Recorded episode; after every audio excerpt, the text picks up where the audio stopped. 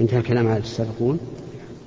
الحمد لله رب العالمين وصلى الله وسلم على نبينا محمد وعلى آله وصحبه أجمعين. أما بعد فهذا هو اللقاء الثالث بعد المئتين من اللقاءات التي تعرف بلقاء الباب المفتوح التي تتم يوم كل خميس.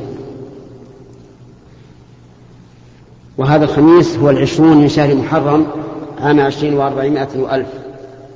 نبتدئ هذا اللقاء كالعادة بالكلام على بعض الآيات الكريمة التي وصلنا فيها إلى قول الله تبارك وتعالى ثلة من الأولين وثلة من الآخرين. هؤلاء هم أصحاب اليمين الذين هم في المرتبة الثانية والمرتبة الأولى السابقون. السابقون قال الله تعالى فيهم ثلة من الأولين وقليل من الآخرين. يعني ثلة من الأولين من هذه الأمة وقليل من الآخرين. فإن خير هذه الأمة خير قرونها القرن الأول الذي هو قرن النبي صلى الله عليه وعلى آله وسلم ثم الثاني ثم الثالث ثم تتناقص. أما أصحاب اليمين فقال الله تعالى فيهم ثلة من الأولين وثلة من الآخرين. أي جماعة من هؤلاء وجماعة من هؤلاء. ثم ذكر الله القسم الثالث فقال وأصحاب الشمال ما أصحاب الشمال. وهم الكفار والمنافقون في سموم وحميم وظل من يحموم لا بارد ولا كريم هذا اللي هم فيه سموم. حرارة شديدة والعياذ بالله. وقد بين الله تبارك وتعالى في آيات كثيرة كيفيتها. فقال الله تعالى سوف نصليهم نارا كلما نضجت جلودهم بدلناهم جلودا غيرها ليذوقوا العذاب. إن الله كان عزيزا حكيما. وأخبر أنه يصب من فوق رؤوسهم الحميم يصهر به ما في بطونهم والجلود.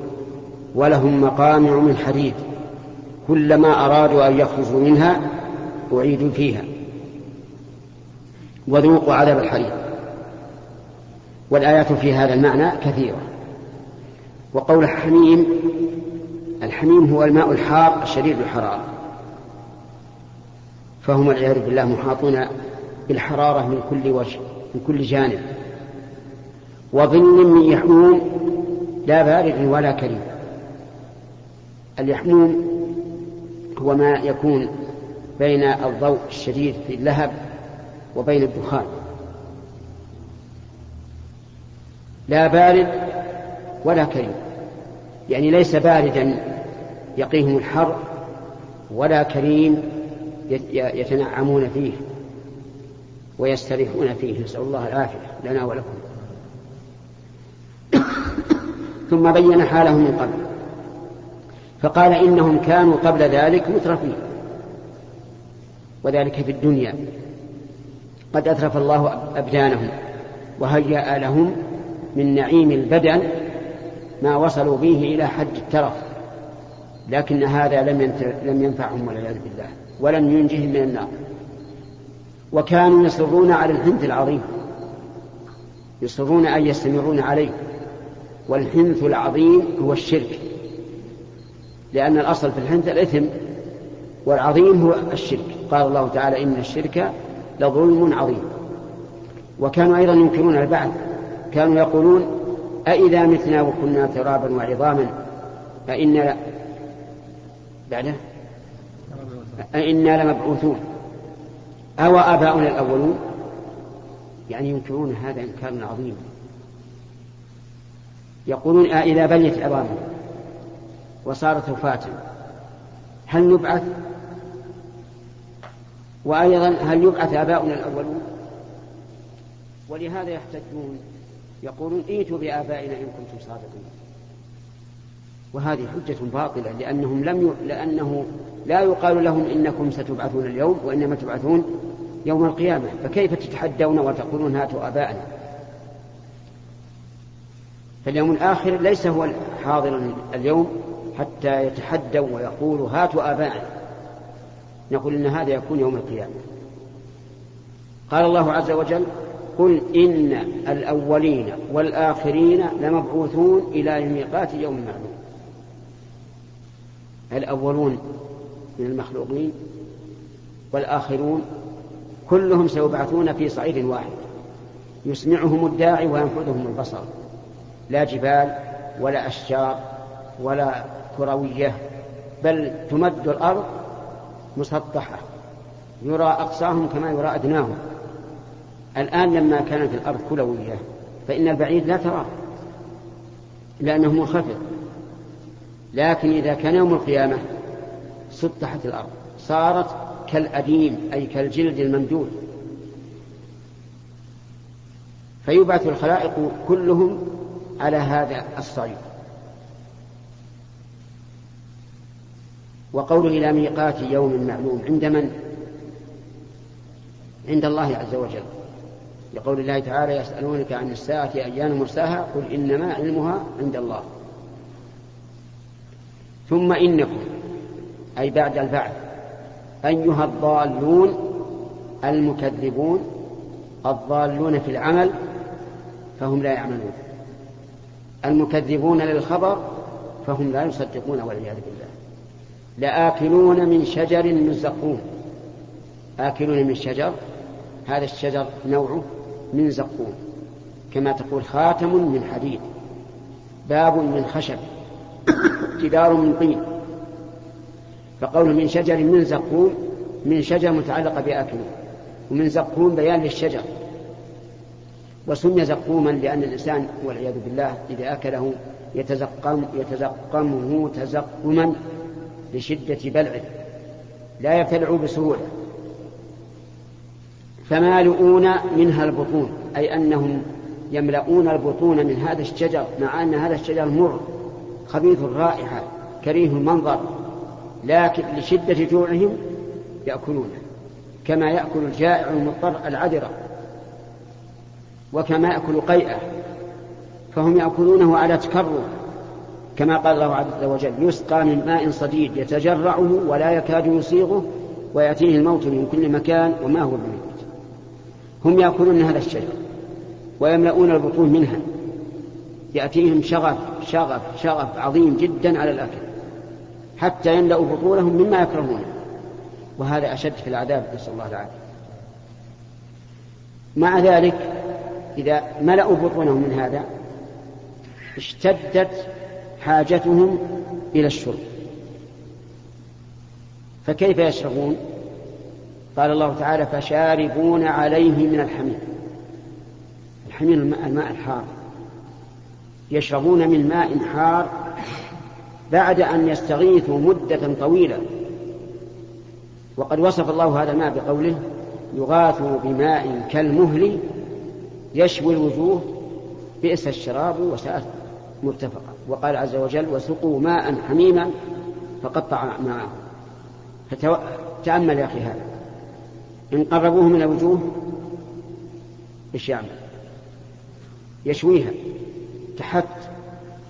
إذا دخل بطونهم قطع أمعاءهم ومع ذلك يشربونه بشدة شدة شدة. يقول شرب الهيم يعني شرب الإبل الهائمة.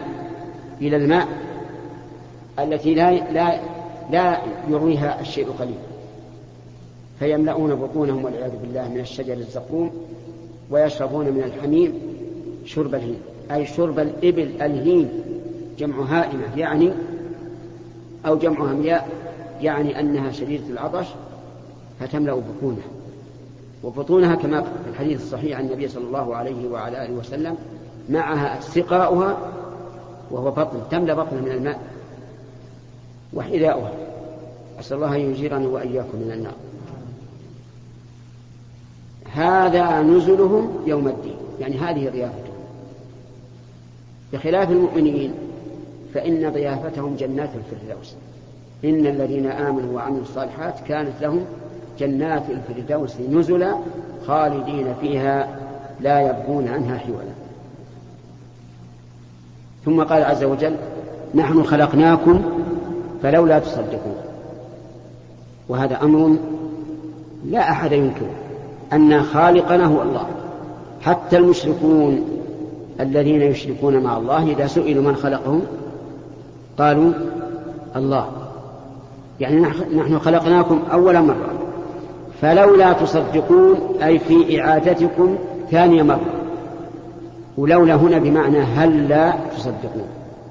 كان الواجب عليهم وهم يصدقون بأن خالقهم أول مرة هو الله أن أن إيش؟ أن أن يصدقوا بالخلق الآخر. لأن القادر على الخلق الأول قادر على الخلق الآخر من باب أولى كما قال عز وجل وهو الذي يبدأ الخلق ثم يعيده وهو أهون عليه وقال عز وجل وأن عليه النشأة الأخرى إذا نحن خلقناكم متى؟ جيبوا أول مرة. فلولا تصدقون أي فهل لا تصدقون أننا إيه؟ نعيدكم نخلقكم ثاني مرة. لأن القادر على الخلق أول مرة قادر على الخلق المرة, المرة الأخرى. ثم ضرب الله تعالى مثلا بل أمثالا. بما فيه وجودنا وما فيه بقاؤنا وما فيه استمتاعنا. فقال أفرأيتم ما تمنون؟ أأنتم تخلقونه أم نحن الخالقون يعني أخبروني عن هذا المني الذي يخرج منكم. هل أنتم تخلقونه أم الله؟ الجواب الله عز وجل. هو الذي يخلقه فيخرج من بين من بين من بين الصلب والترائب. هو الذي يخلقه في الرحم خلقا من بعد خلق. فنحن لا نوجد هذا المني ولا نطوره في الرحم بل ذلك إلى الله عز وجل. أأنتم تخلقونه أم نحن خالقون؟ الجواب بل أنت يا ربنا نحن قدرنا بينكم الموت أي قضيناه بينكم. فكل نفس ذائقة الموت. اللهم اجعلها على الحق العجل كل نفس ذائقة الموت ولا بد. حتى الأنبياء والرسل. قال الله تعالى وما جعلنا لبشر من قبلك الخلد أفإن مت فهم الخالدون. نحن قدرنا بينكم الموت وما نحن بمسبوقين على أن نبدل أمثالكم. يعني لا أحد يسبقنا فيمنعنا أن نبدل أمثالكم. بل نحن قادرون على ذلك.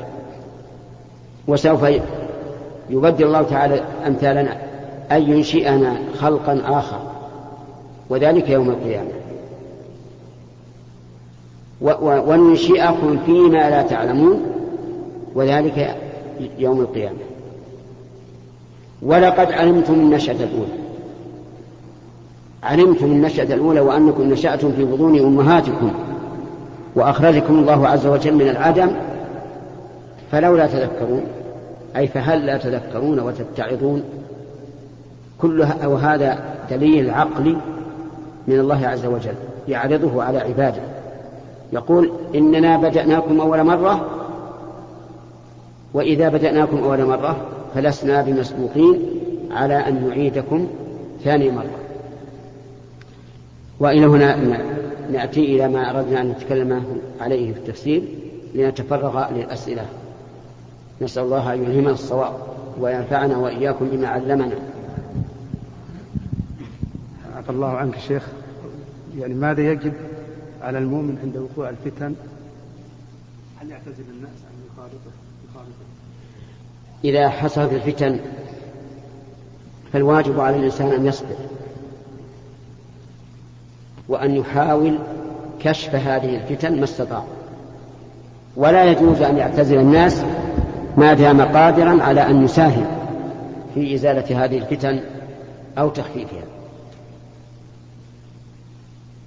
نعم لو فرضنا أن الرجل لا يستطيع أن يدافع هذه الفتن ويخشى على نفسه فهنا الأولى أن يعتزل الناس.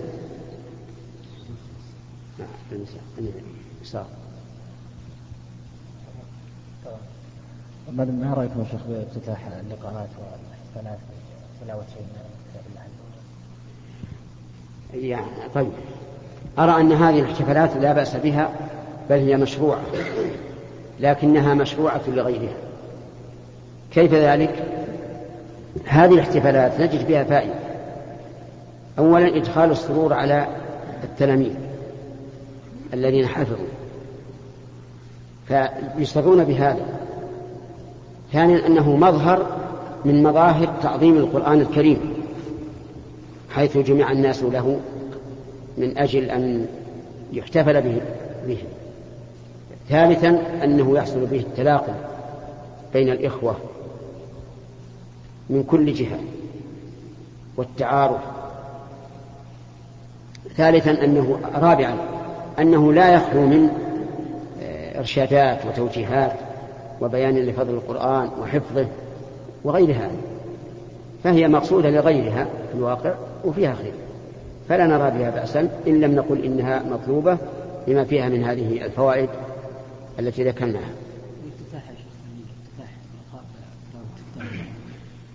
هذا لا أعلم له أصلا إن أنه يفتتح بشيء من القرآن لكن جرت العادة به والأحسن أن لا يفعل.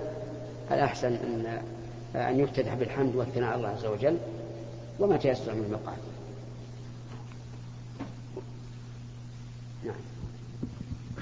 فضيلة الشيخ وفقنا الله وإياكم الميدالية التي تكون لبعض أصحاب المؤسسات يكون فيها راية واحدة فيها عبد الرحمن فذكر لصاحبها أن هذه يدخل فيها إلى دورة المياه عزكم الله. فقال أن عبد الرحمن كله بشخصه يدخل إلى دورة المياه. ها؟ عبد الرحمن نفس الشخص اللي اسمه عبد الرحمن كله يدخل إلى دورة المياه. و... والشيء الآخر كتابة باسمه تعالى في الأوراق التي قد تسقط آه، في الشارع ويقعها الناس. هل في شيء باسمه تعالى؟ أولا قوله أن كل أحد عبد الرحمن هذا صحيح لكن هل أنت اسمك عبد الرحمن هل أنت على صفة كتابة عبد الرحمن؟ قل لها الكلام ولا لك رأس وأرجل و... ولست مشكل بحركات ولا إعراب. حجة باطلة ما في إشكال. ولا هو نفسه ما يعتقد أنها حجة. ولكن لا شك أن الأفضل أن لا يدخل بها. ولكن الغالب أن الميداليات تكون مخفية. في المخفات فلا تضر. هذه واحدة. ثاني. أما كتابة باسمه تعالى فلا يجوز. أصلا كتابة باسمه تعالى حرام. لأنها عدول عما في القرآن. القرآن بسم الله الرحمن الرحيم. وأيضا ربما يقول باسمه تعالى من كان مشركا. يريد ولي من أولياء الله أو إمام من الأئمة التي يعتقد الذين يعتقد أنهم أئمة ويكتب باسمه ويريد اسم الإمام الذي يرى أنه إمام. فالضمير هنا ليس ليس له مرجع بين. فالواجب أن يكتب باسم الله. وما رأينا أحد يكتب باسمه تعالى إلا أهل البدع إلا أهل البدع لأنهم ربما يرون أن أولياءهم أو أئمتهم هم الذين يدبرون الكون فيتبركون بأسمائهم ويقولون باسمه تعالى ولا يصرحون بمرجع الضمير لئلا يتبين أمره. نعم. صلى الله إليكم حكم التصوير بالآلة الفوتوغرافية وكاميرا الفيديو. لا أرى في تصوير كاميرا الفيديو يعني لا أرى فيها مانعا لكن لا ينبغي إلا إذا كان هناك مصلحة. وأما الكاميرا التصوير بالكاميرا التي تكون على الأوراق فهذه ينظر الغرض من التصوير. إذا كان الغرض التمتع بالنظر إلى المصور كلما مضى وقت فهذا لا يجوز. وكذلك إذا كان المقصود الذكرى فهذا لا يجوز لأنه يمنع دخول الملائكة للبيت. أما إذا كان لحاجة كالرخصة وقيادة وتابعية وما أشبهها فلا بأس. رحمك الله. صلى الله عملك من يستشهد بآية من الآيات ويقول قال الله عز وجل حكاية عن فلان أو عن فرعون أو عن موسى أو عن كذا. كلمة حكاية. لا بأس. ما فيها مانع لأننا لا نقول أن القرآن حكاية عن كلام الله. هذا هو الممنوع. أما أن الله يحكي عن غيره فلا فلا بأس به. وما زال العلماء رحمهم الله يقول يقولون في كتب التفسير. قال الله تعالى يحكي كذا وكذا. يا, يا شيخ. لا يسار الله إليك هذا إمام مسجد اعترض عليه أحد المؤمنين وقال أنك تقرأ في الركعتين الأخيرتين من صلاة الظهر والعصر سورة بعد الفاتحة. وقال أن سأل بعض الشيخ قال أنه يخالف السنة نعم. هذا صحيح؟ هذه المسألة اختلف فيها العلماء رحمهم الله. هل يقرأ في الركعتين الأخيرتين في الظهر والعصر أو لا؟ فالمشهور من مذهب الإمام أحمد أنه لا يقرأ ويقتصر على على ما على الفاتحة فقط. بناء على ما ثبت في الصحيحين من حديث أبي قتادة رضي الله عنه أن النبي صلى الله عليه وسلم كان يقرأ في الركعتين الأخريين بفاتحة الكتاب فقط. وبعضهم قال لا بأس أن يقرأ لأن حديث أبي سعيد الخدري رضي الله عنه قال حزرنا قيام رسول الله صلى الله عليه وسلم في الصلاة. فذكر أنه نعم فذكر ما يدل على أنه يقرأ في الركعتين الأخريين لكن هذا الحديث انفرد به مسلم. والأول في الصحيحين. فمنهم من قدم الأول وقال هذا شاذ. وأيضا قال أن حديث أبي قتادة صريح في أنه يقرأ أو لا يقرأ. وهذا يقول حذرنا والحذر بمعنى التقدير والتخمين. وليس التقدير والتخمين كاليقين. والذي يظهر أنه لا بأس به أحيانا. أما أن يجاوم عليه فلا. يمين.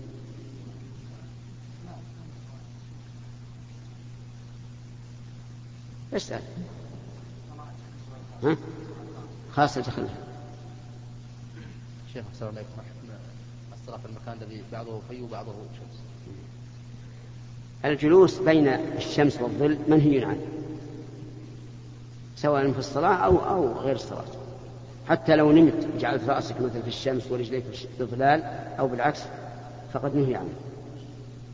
لكن لو فرض أنك قائم تصلي والظل يمشي حتى كنت بين الظل والشمس فالظاهر إن شاء الله أنك لم أنه لا شيء فيه لأنك لم تتعمد الجلوس بين الظل والشمس. الله عنك آه، يقول فيه يعني كلام في قضية التصفيق في المدارس يا شيخ ما أدري يعني القول الصحيح فيها. التصفيق في في التصفيق في المدارس تشجيع للطلاب لا بأس به. لأن ما في دليل على التحريم ولا على الكراهة. بمن؟ لا ما في تشبه. هذا كل المسلمين يفعلون الآن كل المسلمين يفعلون هذا. وقد ذكر ما الإمام مالك وابن حجر أيضا نقله عنه في فتح الباري أن الشيء إذا شاء وانتشر بين المسلمين والكفار فإنه يزول التشبه. لأن التشبه معناه أن تفعل ما يختص بالكفار. فإذا زالت الخصوصية لم يكن تشبه. أما ما من يفعل على سبيل اللهو كالذين يصفقون عند الأناشيد فهذا من اللهو الممنوع. وأما ما يفعلونه تعبدا كالصوفية ونحوهم فهذا أشد وأشد. هذا بدعة منكرة ويشبه صلاة المشركين عند البيت الحرام الذي قال الله عنه وما كان صلاتهم عند البيت إلا مكاء وتصديرا لكن ليس معنى قولنا إنه جائز التصفيق لتشجيع الطلاب أننا نأمرهم أن يفعلوا. لا ما نأمرهم لكن لا ننهاهم. نعم. يمين. أخذت أخذت سؤال؟ ما تقنع تعداك السؤال. يتعداك السؤال خلاص. يتعداك يمر عليك أعطي الأخ نعم. مفتوح. لا لابد أن يسمع. ما يسمع؟ لا. إيش فلان يسمع طيب.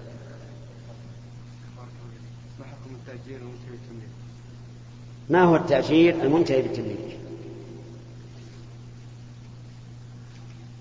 قل.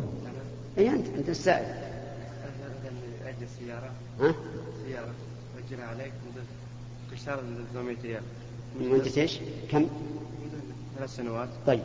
كشتار 800 ريال. نعم. من بعد ثلاث سنوات تملكها. عندك بدون شيء؟ ما يصير. هذا ما هو معقول. يقول استأجر منك سيارة ب 100 ريال كل شهر.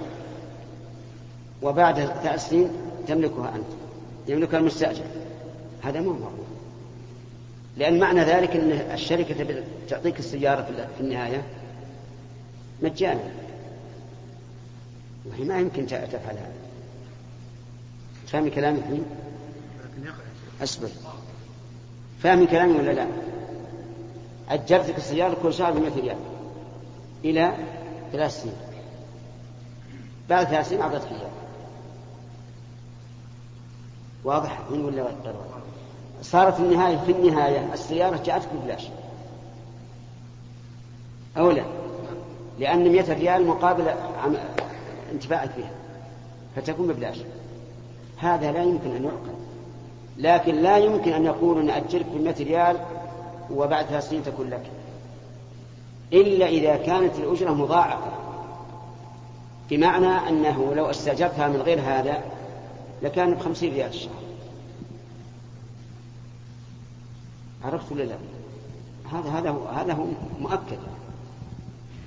إذا كان كذلك فالآن تدفع أنت أجرة أكثر من العادة. قطعا. و, و ولا يضمن. أن السيارة تبقى إلى ثلاث سنوات. قد تتلف باحتراق أو صدم أو غير ذلك. إذا كان هذا صرت أنت أنت المستأجر. غارم ولا غانم؟ ها؟ غارم. خسرت الآن. خسرت كل كل شهر زيادة النصف. ولا استفدت. وإن بقيت فأنت غانم.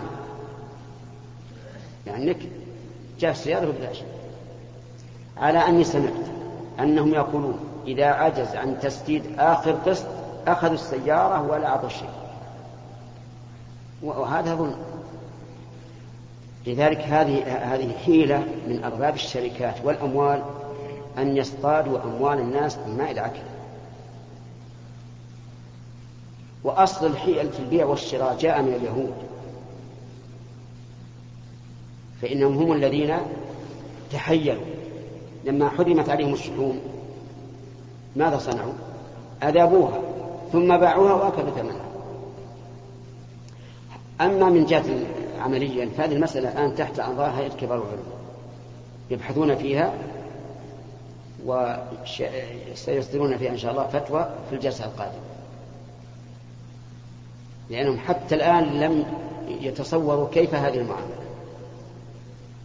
فلا فلا تدخل في هذه المعاملة حتى يأتي الفتوى من كبار العلماء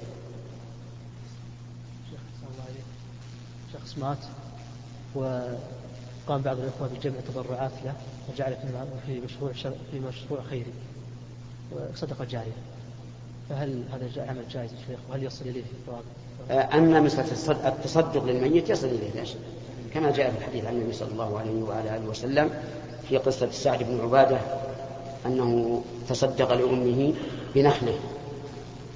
وكما في قصة الرجل الذي قال يا رسول الله إن أمي فلتت نفسها وإنها لو تكلمت لتصدقت أفأتصدق عنها؟ قال نعم. ولكن الدعاء أفضل من هذا. والدليل على أن الدعاء أفضل من الصدقة للميت يمكنك الآن أن تقلب الشريط.